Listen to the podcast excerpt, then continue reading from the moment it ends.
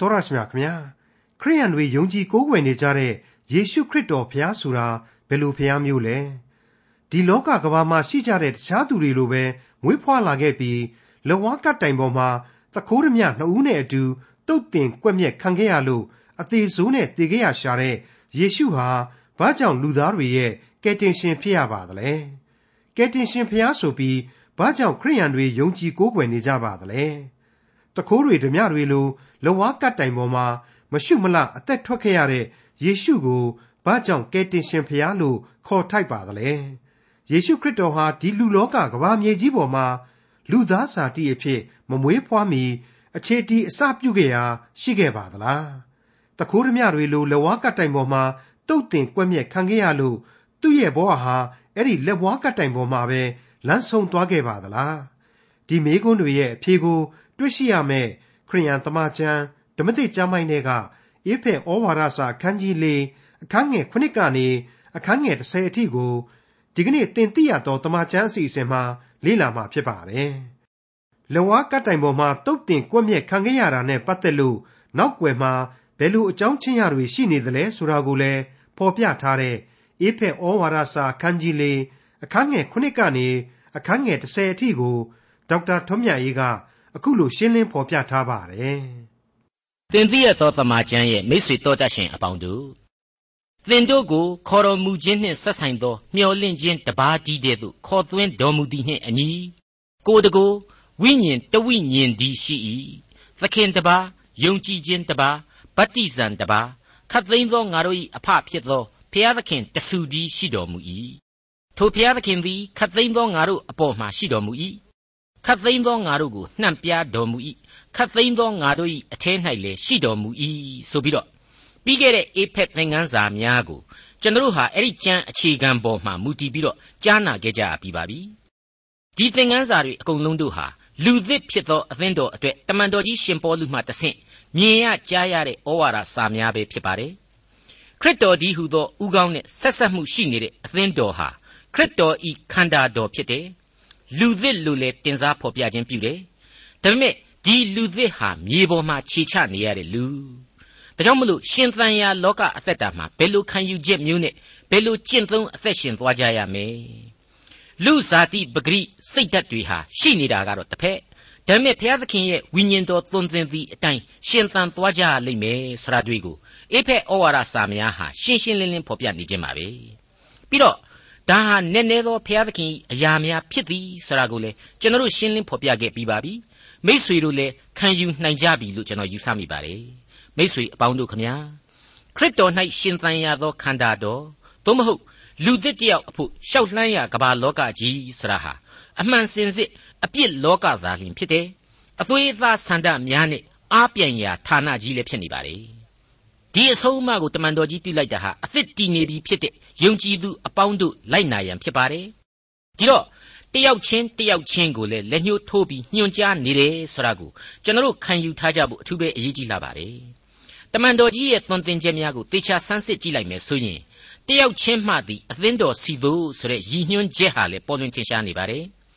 အဲ့လိုအဆင့်ဆင့်မြင့်မားစွာတက်လှမ်းသွားရတဲ့ဩဝါဒရဲ့ရည်မှန်းချက်များဟာ အနန္တတကုရှင်ဘုရားသခင်ရဲ့အကြောင်းကိုရောက်လာချိန်မှာတော့အလွန်အလွန်အံ့ဩပွေနည်းနည်းသောအကြံတော်နဲ့အသင်းတော်ရဲ့အဖခမည်းတော်ဖြစ်တော်မူသောဘုရားသခင်ရဲ့အကြောင်းကိုပါတမန်တော်ကြီးကနေကျွန်တော်တို့ကိုမမေ့ကြဘူးဆိုပြီးတော့ဖော်ပြလိုက်တဲ့အချက်တွေကိုကျွန်တော်တို့ဟာအရေးတကြီးနားလည်ခံယူလာကြရမှာဖြစ်ပါတယ်ဟုတ်ပါတယ်ခတ်သိမ်းသောဆိုတဲ့ဝိသေသလက္ခဏာအားဖြင့်ဝေါဟာရအားဖြင့်အရာရာကိုပိုင်တော်မူသည်အရာရာကိုတတ်ဆွမ်းနိုင်သည်ဆိုတဲ့အချက်တွေဟာ အဖဖျားသခင်ရဲ့ဘုန်းတော်အဖဖျားသခင်ရဲ့စွန့်ပကားတတ္တိများအဖြစ်ထင်ရှားပေါ်လွင်လာရစေပါ रे အင်္ဂလိပ်လိုကတော့ above all through all နဲ့ in you all ဆိုပြီးတော့ဖော်ပြထားပါတယ်သူပိုင်တဲ့ကမ္ဘာလောကကြီးနဲ့စัจ java လာအနန္တဆိုတာရဲ့အထက်မှာသူတည်ရှိနေကြောင်းကိုရှင်းရှင်းလင်းလင်းသိစေလိုက်တာပဲဖြစ်ပါတယ်မိတ်ဆွေအပေါင်းတို့ခင်ဗျာဖျားသခင်ကနေပြီးတော့လူသားကိုသူ့ရဲ့ပုံသဏ္ဍာန်နဲ့အညီဖန်ဆင်းထားတယ်ဆိုတာဟာ သူစိတ်ကြိုက်ခံစားရသောသဏ္ဍာန်တော်နဲ့အညီဖန်ဆင်းခြင်းကိုဆိုလိုတာဖြစ်ပါတယ်ဒါကိုကျွန်တော်တို့အတန်တန်ရှင်းပြခဲ့ပြီးဖြစ်ပါတယ်ဒီလိုရှင်းပြနေရတာလေတခြားတော့မဟုတ်ပါဘူးတချို့ကဘုရားသခင်ဟာလေလူရဲ့သဏ္ဍာန်နဲ့သဏ္ဍာန်ချင်းအတူတူပဲဆိုပြီးတော့တွေးကြတောကြလို့ဖြစ်ပါတယ်အမှန်တော့အနန္တတကုရှင်ဘုရားသခင်ရဲ့ဝိညာဉ်တော်ခံစားချက်အမြင်အသိအတွေးဆိုတာတွေကိုကျွန်တော်တို့ကယမ်းပြီးမှန်းဆတာကလွဲလို့ဘယ်နေရာမှာမှလူနဲ့နှိုင်းလို့မရနိုင်ပါဘူး ကျွန်တော်အပြစ်လူသားရဲ့အုံနှောက်နဲ့တိုင်းထွာစဉ်းစားလို့ဘုရားသခင်ရဲ့သရံဘုရားသခင်ရဲ့အရေးအချင်းဆိုတာတွေကိုတွက်ဆလို့မရနိုင်ပါဘူးသူ့ရဲ့နဲ့နေခြင်းဆိုတာကိုလည်းဘယ်တော့မှမှီအောင်တွေးဆလို့မပေါ်လွင်နိုင်ပါဘူးသူသိစေခြင်းသာလောက်ကိုသာကိုဟာရှာဖွေနိုင်မှာဖြစ်တယ်သူသိစေခြင်းသာလောက်ကိုသာ လူသားဟာသိခွင့်ရှိတယ်သူဟာအရာရာတို့ရဲ့အထက်မှာတည်နေတော်မူသောအနန္တစွန့်ပကားရှင်ဘုရားသခင်သာဖြစ်တယ်ဆိုတဲ့အချက်ကိုကျွန်တော်တို့နားလေသဘောပေါက်ထားဖို့အထူးပဲအရေးကြီးလာပါတယ်မိษွေတော်တတ်ရှင်အပေါင်းတို့ခမညာအဲ့ဒီလိုခတ်သိမ်းသောငါတို့၏အဖခတ်သိမ်းသောငါတို့အပေါ်မှာတည်ရှိသည်ခတ်သိမ်းသောငါတို့ကိုနှံ့ပြတော်မူသည်ခတ်သိမ်းသောငါတို့၏အထက်မှာရှိသည်ဆိုတဲ့ဘုရားသခင်ရဲ့ဘုံတကိုးတော်ကြောင့်လေ ကျွန်တော်တို့လူဘဝဟာပို့ပြီးတော့အတိတ်ပဲရှိနေရခြင်းဖြစ်တယ်ဆိုတာကိုကျွန်တော်တို့တွေးဆနိုင်ပါတယ်ကျွန်တော်ရဲ့အသက်တာတွေဟာလေရှင်သန်ရကြိုးနတ်အောင်ဒီနည်းအားဖြင့်တန်ဖိုးအလိုလိုမြင့်တက်လာတယ်တန်ဖိုးရှိရခြင်းဖြစ်တယ်လို့ကျွန်တော်တော့ပြတ်သားစွာခံယူမိပါတယ်အဲ့ဒီလိုအရာရာကို तू ကတက်ဆွနိုင်ပြီးတော့အရာခတ်သိမ်းတို့အပေါ်မှာလွှမ်းမိုးစိုးမိုးနိုင်ခြင်းရှိသောသခင်ရဲ့လက်တော်အောက်မှာကျွန်တော်လူသားဟာတလုံးတဝတည်းတည်ရှိခွင့်ရခြင်းဆိုတာဟာအလွန်ကောင်းမွန်တဲ့ဟာလေလုယတီဝိုင်းကြီးတစ်ခုကို သခင်ဖျားကနေပြီးတော့သူ့ရဲ့ဝိညာဉ်ရေးအတောင်ပန်းနဲ့အချက်ပြအုပ်ချုပ်ခြင်းနဲ့တူညီလိမ့်မယ်လို့ကျွန်တော်စိတ်ကူးယဉ်မိပါတယ်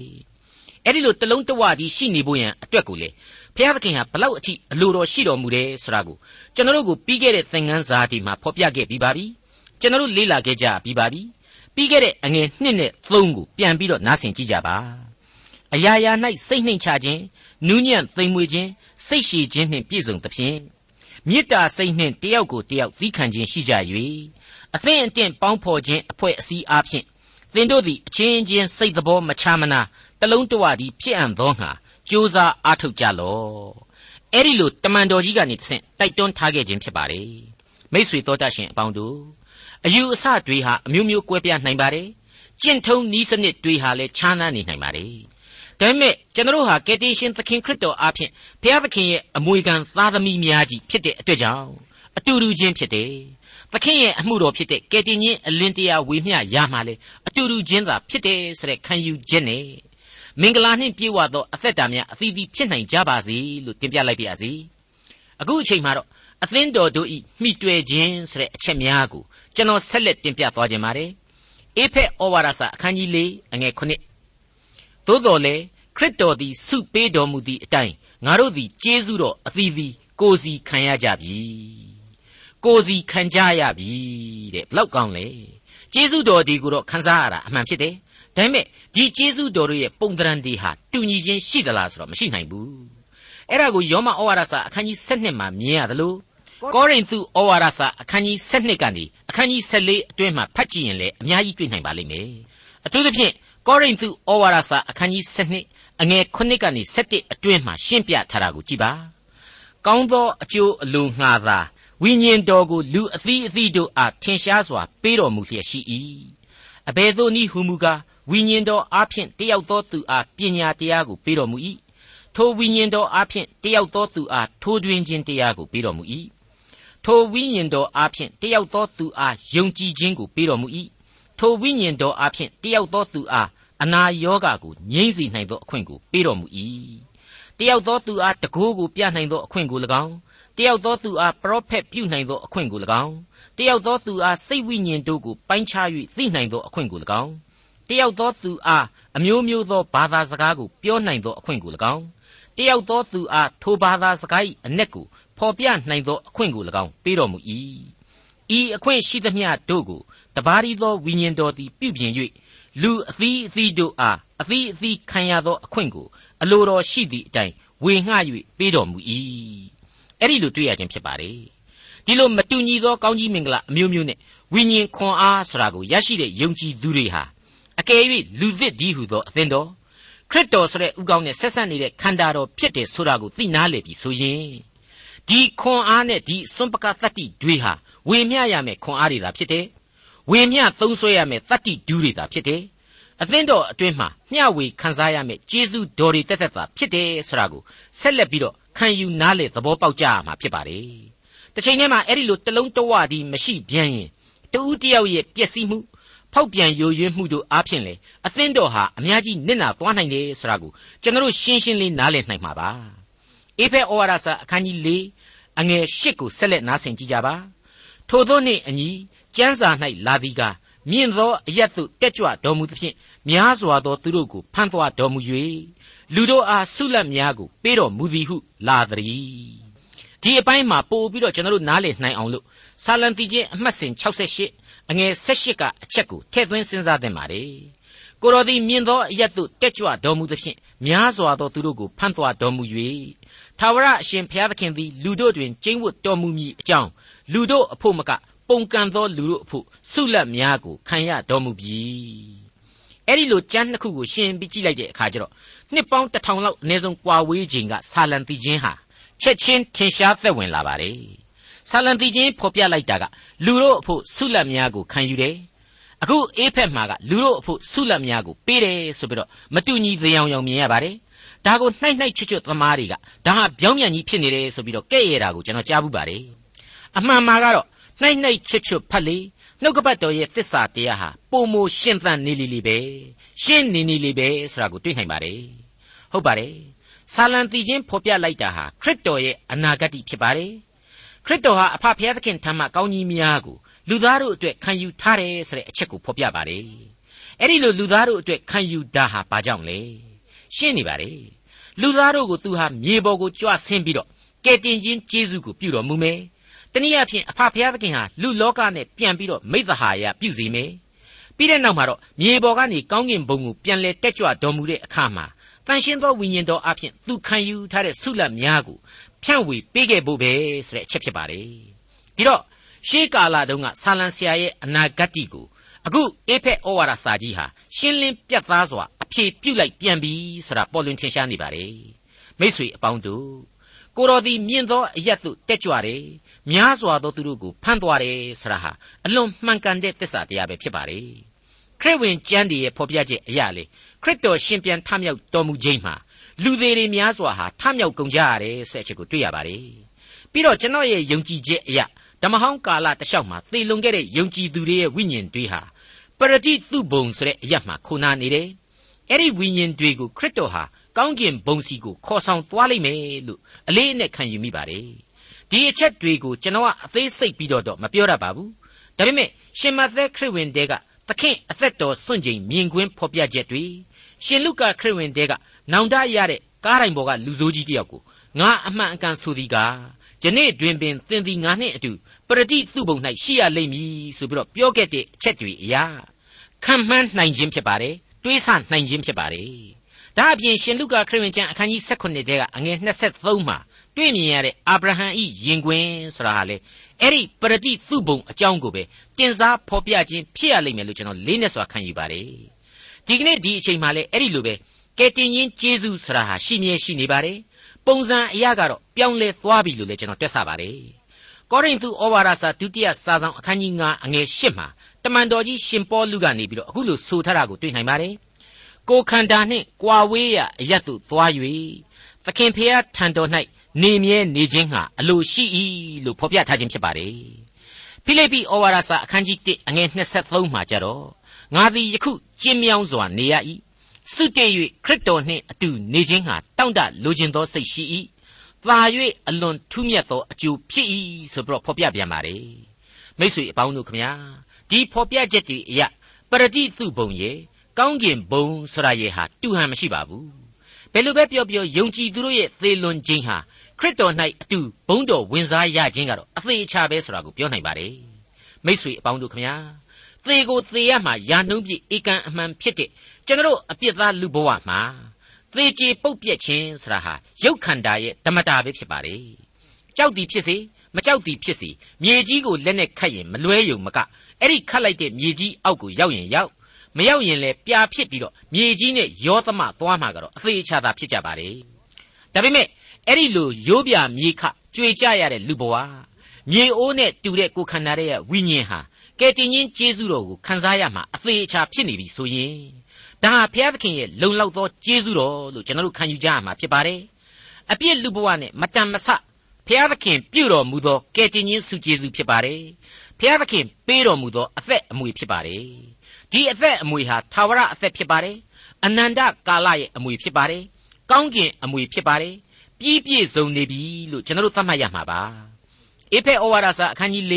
အငယ်6နဲ့10တက်ကြွတော်မူသည်ဟုဆိုသောအစစွာမြေကြီးအောက်အရက်သို့ဆင်းသက်တော်မူကြောင်းကိုရည်မှတ်၍ဆိုသည်မဟုတ်လောဆင်းသက်တော်မူသောသူသည်အခြားသောသူမဟုတ်အလုံးစုံတို့ကိုပြည့်စုံစေခြင်းဟာခတ်သိမ်းသောကောင်းကင်တို့၏အထွတ်ကိုလွန်၍တက်ကြွတော်မူသောသူဖြစ်သည်ဒီအပိုင်းကလေးဟာအစဖော်ပြချက်အရာအနည်းငယ်ရှုပ်ထွေးနေဟန်တူပါတယ်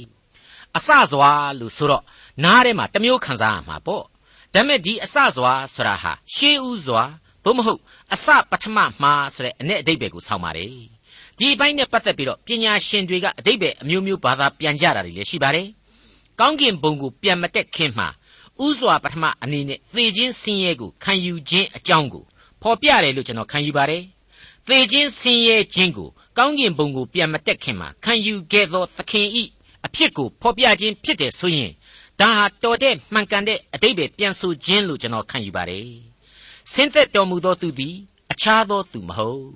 အလုံးစုံတို့ကိုပြည့်စုံစေခြင်းဟာခတ်သိမ်းသောကောင်းကင်တို့၏အထွတ်ကိုလွန်၍တက်ကြွတော်မူသောသူဖြစ်သည်တဲ့အဲ့ဒါနဲ့ပတ်သက်လို့ကတော့အလေးအနက်သတိပြုစရာတွေအများကြီးပါဝင်လာတယ်လို့ကျွန်တော်အလေးအနက်ဖော်ပြခြင်းပါတယ်ဟုတ်ပါတယ်အလုံးစုံတို့ကိုပြည့်စုံစေခြင်းဆရာဟာစောစောပိုင်းကကျွန်တော်ပြောလိုက်တဲ့ ကျွန်တော်ရဲ့ယုံကြည်ချက်ကိုအားဖြည့်ပေးရရောက်တယ်လို့လည်းကျွန်တော်ခံယူပါတယ်အပြည့်ဇာတိပဂရိကိုကယ်တင်ရှင်ဟာခံယူပြီးတဲ့နောက်လူလောကကိုဆင်းသက်တယ်လူဇာတိကိုခံယူတယ်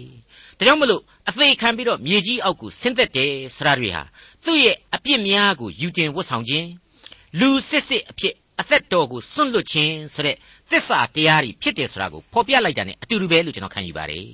အဲ့ဒီသစ္စာတရားတွေဟာဘာကြောင့်ဖြစ်လာရသလဲ ဒါဟာအလုံးစုံသောကယ်တင်ခြင်းအမှုကိုပြီးမြောက်ပြည့်စုံစေခြင်းအတွက်ဖြစ်ရလိမ့်မယ်ဘသူတွေအတွက်လဲဆိုတော့ကျွန်တော်အပြစ်သားတွေအတွက်ကယ်တင်ခြင်းပဲကျွန်တော်အတွက်ကျေးဇူးပြုခြင်းပဲကျွန်တော်ဝိညာဉ်များမဆုံးရှုံးဖို့ရန်အသေးခံတော်မူခြင်းပဲကျွန်တော်ရဲ့အပြစ်အားလုံးကိုကျွန်တော်ကိုယ်စားခံယူခြင်းပဲဆိုတာကိုကျွန်တော်ရှင်းရှင်းလင်းလင်းသဘောပေါက်ထားဖို့လိုပါတယ်အဲ့ဒီလိုမြေကြီးပေါ်ကသူ့ရဲ့ကယ်တင်ခြင်းတာဝန်တွေကိုပြည့်စုံစေပြီးတဲ့နောက်မှာတော့ ဆက်လက်ပြီးတော့အလုံးစုံတို့ကိုပြည့်စုံစေခြင်းဟာကောင်းကင်တို့၏အထွတ်ကိုလွန်၍တက်ကြွတော်မူတယ်အဲ့ဒီအစွန်းတကူကိုပြသသောသူကတော့တခြားမဟုတ်ဘူးလူဇာတိကံယေရှုအဖြစ်ခံယူပြီးတော့အသေးခံသူသင်ကြိုခြင်းကိုခံပြီးမှရှင်ပြန်ထမြောက်တော်မူပြီးတော့ကောင်းကင်ဘုံကိုတက်ကြွသွားတော်မူသောအသက်ရှင်တော်မူသောဘုရားသခင်ကိုတော်တိုင်ပဲဖြစ်တယ်ဆိုတဲ့အချက်တွေကိုဒီနေရာမှာအေဖက်ဩဝါဒစာဟာရှင်းလင်းစွာဖော်ပြပေးလိုက်ပါတယ် မိษွေတော်တတ်ရှင်အပေါင်းတို့သုံးပါးတဆူဖြစ်တော်မူသောဘုရားသခင်ဆိုတာကိုကျွန်တော်အကြိမ်ကြိမ်ကြားနာရပါတယ်နော်ဒီသခင်ရဲ့ပြုတော်မူသောကျေးဇူးတော်ဟာအံ့ဩစရာမကောင်းဘူးလားအခုခေတ်သိပ္ပံပညာရှင်ကြီးတွေဟာသူတို့တွေ့ရသလောက်ကလေးတွေကိုအကြီးအကျယ်လုပ်နေကြပါတယ်တမန်တော်ကြီးကတော့သူ့ရဲ့ယူပါယုံမှာကောင်းကင်ဆိုတာဟာအနန္တကောင်းကင်သာဖြစ်တယ်ခတ်သိမ်းသောကောင်းကင်လို့ပြောယူရလောက်အောင်ကျယ်ဝန်းတယ်ဆိုတာကိုမြင်လို့ အခုသိပ္ပံဆရာတွေမမွေးခင်ကတည်းကဖော်ပြလိုက်ခြင်းပဲလို့ကျွန်တော်ခံယူပါတယ်စัจ java လာအနန္တရဲ့မြင်ကွင်းကျယ်အကြောင်းကိုတမန်တော်ကြီးဖော်ပြလိုက်ခြင်းလို့ကျွန်တော်ခံယူပါတယ်ဒီအပိုင်းကိုရောက်လာတဲ့အချိန်မှာကျတော့ကျွန်တော်ကယောဘဝတ္ထုအခန်းကြီး26အငယ်6ကနေပြီးတော့14အထိယောဘရဲ့နှုတ်ထွက်စကားတွေကိုပြန်ပြီးတော့သတိရမိပါတယ်ကဘာပေါ်မှာအဟောင်းဆုံးသောဝတ္ထုကြီးတစ်ပုဒ်အတွင်းကဘုရားသခင်ရဲ့ဘုန်းတော်ဘွဲ့လို့ဆိုလို့ရနိုင်ပါတယ်မရဏနိုင်ငံသည် ရှေ့တော်၌လှန်လျက်ရှိ၏အပဒုံနိုင်ငံကိုဖုံးအုပ်ခြင်းမရှိရမိုးကောင်းကင်ကိုလွတ်လပ်လဟာ၌ကြက်တော်မူ၏မြေကြီးကိုအခုအခါမရှိဆွဲထားတော်မူ၏ထူတတ်သောမိုးတိမ်တော်နှင့်ရေကိုထုတ်တော်မူ၍မိုးတိမ်သည်မဆုတ်မပြတ်နေ၏မိုးတိမ်တော်ကိုဖြန့်၍ပလင်တော်မျက်နှာကိုဖုံးအုပ်တော်မူ၏အလင်းနှင့်အမိုက်ဆုံမိရာအပိုင်းအခြား၌စัจ java လာကိုကန့်ကွက်တော်မူ၏ဆုံးမတော်မူခြင်းကြောင့် မိုးကောင်းကင်တိုင်တို့သည်တုန်လှုပ်၍မိန်မောတွေ့ဝေလျက်နေကြ၏တကိုးတော်အားဖြင့်သမုတ်တရားကိုဆုံးမတော်မူ၏ပညာတော်အားဖြင့်သူ၏မာနကိုချိုးဖျက်တော်မူ၏ဝိညာဉ်တော်အားဖြင့်မိုးကောင်းကင်တစားများကိုပြင်၍လျင်မြန်သောနဂါးကိုလည်းဖန်ဆင်းတော်မူ၏ဤ၍ကအမှုတော်အရေးအမွက်သာဖြစ်၏စကားတော်အသံအနည်းငယ်ကိုသာနာကြားရ၏တကိုးတော်မိုးကြိုးသံကိုအဘဲသူနားလေနှိုင်သနည်းဟု မွဲ့ဆို၏တဲ့ဒါဟာနော်ကျွန်တော်ဆောင်းကဖော်ပြခဲ့တဲ့အတိုင်းကဘာပေါ်မှာရှေးအကျဆုံးသောကာလကလင်္ကာရှေးပုံဝတ္ထုကြီးထဲမှာတွေ့ရတဲ့ဘုရားသခင်ဖန်ဆင်းတော်မူခြင်းအကြောင်းတွေပဲဒီတော့နှုတ်ကပတ်တော်ဟာအလွန်အလွန်လူသားလက်လှမ်းမမီနိုင်တဲ့ရှေးအချိန်ကာလကတည်းကအသက်ရှင်တော်မူသောဘုရားသခင်ရဲ့အကြောင်းကိုဖန်ဆင်းခြင်းရဲ့အကြောင်းတွေကိုရှင်းလင်းဖော်ပြခဲ့ပြီးဖြစ်တယ်ဒီသိပ္ပံအတတ်ပညာတွေဟာ နှောင်းလူတို့အဖို့ဖော်စားယုံမျှတာဖြစ်တယ်ဆိုတာကိုရှင်းရှင်းလင်းလင်းကျွန်တော်ကတော့သဘောပေါက်မိပါတယ်ခရစ်တော်ဟာကောင်းကင်ဘုံကိုတက်ကြွတယ်ဆိုတာဟာဘယ်အတိုင်းအတာအထိလဲဆိုတာကိုမေးလာမယ်ဆိုရင်အဖြေကတော့အခုအေဖက်ဩဝါဒစာအရာလွယ်လွယ်ကလေးပါပဲရှင်းရှင်းကလေးပါပဲအလုံးစုံတို့ကိုပြည့်စုံစေခြင်းဟာခတ်သိမ်းသောကောင်းကင်တို့၏အထွတ်ကိုလွန်၍တက်ကြွခြင်းပဲဖြစ်တယ်ဆိုတဲ့အဖြေကိုပေးလိုက်ရုံပါပဲအဲ့ဒီလိုကျွန်တော်ကဘုရားသခင်ရဲ့ကောင်းကင်ဘုံကိုတက်ကြွခြင်းဟာ ကောင်းကင်တို့၏အထွတ်ကိုလွန်၍တက်ကြွခြင်းဖြစ်တယ်ဆိုတဲ့အဖြေကိုပေးလာတော့ဘုရားသခင်ဟာကျွန်တော်တို့နဲ့အလွန်အလွန်များဝေးကွာလှမ်းသွားပြီလားမဝေးကွာပါဘူးမလှမ်းသွားပါဘူးကျွန်တော်အနေနဲ့ဒီဘုရားသခင်ကိုအာကာသယင်ကြီးတွေမှာလိုက်ပါပြီးတော့အသက်ကိုဖက်နဲ့ထုတ်ပြီးတော့လိုက်ရှာနေစရာမလိုပါဘူးဇာတိပဂရိအပြစ်သားကျွန်တော်အဖို့ဘုရားသခင်ကိုကိုယ့်မျက်စိနဲ့တတ်အပ်တွေ့မှလည်းဘယ်နည်းနဲ့မှမဖြစ်နိုင်ပါဘူး သမိုင်းမှာဘယ်လိုပုံကိုမျိုးကြီးမှလည်းဒီလိုရုပ်တရက်အနေနဲ့သခင်ကိုမြင်ခွင့်မရှိပါဘူးမြင်တွေ့ခြင်းမရှိခဲ့ပါဘူးဘုရားသခင်ဟာနံဝိညာဉ်ဖြစ်တော်မူပါတယ်သူ့ကိုကျွန်တော်တို့ဟာနံဝိညာဉ်နဲ့သာလျှင်ကိုးကွယ်ကြမှာဖြစ်ပါတယ်သူဟာမိษွေတို့ကျွန်တော်တို့တူးချင်းနဲ့ပင်ဖြင့်တန်ရှင်းသောဝိညာဉ်တော်အားဖြင့်အစဉ်နိကတ်စွာတည်ရှိနေပါတယ်ပြုစုစောင့်ရှောက်လမ်းပြလျက်ရှိနေပါတယ်အသက်လမ်းကိုပြုစုပေးလျက်ရှိနေပါတယ် ကောင်းကင်အမွေအတွက်မခံယူခံယူရအောင်ကျွန်တော်တို့ကိုသွန်သင်ဆုံးမလျက်ရှိနေပါတယ်သူဟာအမှန်စင်စစ်ကောင်းကင်နှင့်ကောင်းကင်တကားတို့၏အထွတ်အမြင့်ဆုံးသောကောင်းကင်ဆိုတဲ့သိပ္ပံအတတ်နဲ့ပင်လျှင်ရှာမတွေ့နိုင်သောအရမှရှိနေသလိုသူ့ကိုချစ်၍ဖိတ်ခေါ်တော်သူနောင်တနှလုံးသားနဲ့ကြိုးပဲ့ကြေမွာသောစိတ်အစဉ်ရှိသူတို့ရဲ့အနားမှာအစဉ်တစိုက်ရှိနေတယ်အစဉ်တစိုက်တည်နေတယ်အလွန်နုနယ်သိမ်မွေးတဲ့နှလုံးသားထဲမှာလည်းကျိန်းဝတ်နေနိုင်တယ် အံ့ဩပွေသောအစွန်းတတ္တိများနဲ့လည်းအတူလူတယောက်စီကိုလမ်းပြဥဆောင်မှုပြုနိုင်တယ်သူ့စီကိုရောက်ရှိပြီးတော့ကောင်းကင်အမွေကိုခံစားရတဲ့အချိန်တနည်းအားဖြင့်သာဝရအသက်လမ်းကိုရရှိတဲ့အချိန်အထိလေရန်သူအမျိုးမျိုးရဲ့ဘေးကကွယ်ကာနိုင်စွမ်းရှိတယ်ဆရာတွေ့ကိုကျွန်တော်အထူးသိထားဖို့လိုအပ်လာပါတယ်မိษွေတော်တတ်ရှင်အပေါင်းတို့ခမညာအေဖက်ဩဝါဒစာမှတဆင့်မိษွေတို့ကျွန်တော်အတွက်ဘုရားသခင်အလွန်သိစေခြင်းတဲ့အချက်ကတော့အေဖက်ဩဝါဒစာအခန်းကြီး၄ အငယ်1ကနေ9အတိုင်ဖြစ်ပါတယ်မိษွေတို့တကြောပြန်နားဆင်ကြည့်ကြပါအရာရာ၌စိတ်နှိမ်ချခြင်းနူးညံ့သိမ်မွေ့ခြင်းစိတ်ရှည်ခြင်းနှင့်ပြည့်စုံသဖြင့်မေတ္တာစိတ်နှင့်တယောက်ကိုတယောက်သီးခံခြင်းရှိကြ၍အသင့်အတင့်ပေါင်းဖော်ခြင်းအဖွဲ့အစည်းအားဖြင့်သင်တို့သည်အချင်းချင်းစိတ်တော်မချမနာတလုံးတဝသည်ဖြစ်အံ့သောငါကြိုးစားအားထုတ်ကြလော့သင်တို့ကိုခေါ်တော်မူခြင်းနှင့်ဆက်ဆိုင်သောမျှော်လင့်ခြင်းတပါးတည်းသို့ခေါ်သွင်းတော်မူသည်နှင့်အညီကိုတကို ဝိညာဉ်တဝိညာဉ်ဒီရှိ၏သခင်တပါးယုံကြည်ခြင်းတပါးဗတ္တိဇံတပါးခတ်သိမ်းသောငါတို့၏အဖဖြစ်သောဖျားသခင်တဆူဒီရှိတော်မူ၏ထိုဖျားသခင်သည်ခတ်သိမ်းသောငါတို့အပေါ်မှာရှိတော်မူ၏ခတ်သိမ်းသောငါတို့ကိုနှံ့ပြတော်မူ၏ခတ်သိမ်းသောငါတို့၏အထဲ၌လည်းရှိတော်မူ၏သို့တော်လည်းခရစ်တော်သည်စုပေးတော်မူသည့်အတိုင်းငါတို့သည်ကျေးဇူးတော်ကိုအသီးသီးကိုစီခံရကြပြီဟုတ်ပါတယ်အဲ့ဒီလိုဖော်ပြချက်နဲ့အညီ မိမိတို့တူးချင်းခံစားရကျေးဇူးတော်များကိုအသုံးပြုပြီးတော့တန်ရှင်းသောဝိညာဉ်တော်ကျင်းဖို့နိုင်သောအသင်းတော်ခရစ်တော်၏မေတ္တာရိပ်၌တလုံးတဝတည်းရှိသောအသင်းတော်ဝိညာဉ်ရေးသတ္တိများနဲ့ကမ္ဘာလောကကြီးအတွင်းမှာရှင်သန်သောအသင်းတော်ကိုဝိုင်းဝန်းပြုစုတိဆောက်ကြဖို့ရန်ပဲဖြစ်ပါတယ်ထို့သောနှင့်အညီကျမ်းစာ၌လာသည်ကမြင့်သောအရတ်သို့တက်ကြွတော်မူသဖြင့်များစွာသောသူတို့ကိုဖန်သွားတော်မူ၍လူတို့အားဆုလတ်များကိုပေးတော်မူသည်ဟုလာသည် တက်ကြွတော်မူသည်ဟုဆိုသောအစစွာမြေကြီးအောက်အရတ်သို့ဆင်းသက်တော်မူကြောင်းကိုရည်မှတ်၍ဆိုသည်မဟုတ်လောဆင်းသက်တော်မူသောသူသည်အခြားသောသူမဟုတ်အလုံးစုံတို့ကိုပြည့်စုံစေခြင်းဟာခတ်သိမ်းသောကောင်းကင်တို့၏အထွတ်ကိုလွန်၍တက်ကြွတော်မူသောသူဖြစ်သည်မိษွေတော်တတ်ရှင်အပေါင်းတို့ခမညာကျေးဇူးတော်အမျိုးမျိုးနဲ့လူတဦးစီကိုပြုစုတော်မူသောဘုရားသခင် အစာအုပ်၌မြေကြီးအောက်အရတ်သို့အရင်ဆင်းသက်၍အသေးခံတော်မူသောဘုရားသခင်ကယ်တင်ခြင်းကျေးဇူးကိုပြုတော်မူသောသခင်တန်ရှင်းသောဝိညာဉ်တော်အားဖြင့်အလုံးစုံတို့ကိုပြည့်စုံစေသောသခင်ခတ်သိမ်းသောကောင်းကင်တို့၏အထွတ်ကိုလွန်၍တက်ကြွတော်မူသောသခင်၏ထံမှကောင်းကြီးမင်္ဂလာအမျိုးမျိုးနဲ့မိษွေတို့အသက်တာများပြည့်စုံကြွယ်ဝနိုင်ကြပါစေလို့သင်သိရသောတမန်ကျမ်းရဲ့ကိုစားလေးစားစွာဆုတောင်းမြတ်တာပို့သလျက်ပါခမညာ ဒေါက်တာထွန်းမြတ်ရေးစီစဉ်တင်ဆက်တဲ့တင်သိရသောတမန်ကျမ်းအစီအစဉ်ဖြစ်ပါတယ်နောက်တစ်ချိန်အစီအစဉ်မှာခရိယန်တမန်ကျမ်းဓမ္မသစ်ကျမ်းပိုင်းတွေကအေဖက်ဩဝါဒစာအခန်းကြီး၄အခန်းငယ်၁၁ကနေအခန်းငယ်၁၆အထိကိုလေ့လာမှဖြစ်တဲ့အတွက်စောင့်မျှော်နားဆင်နိုင်ပါတယ်။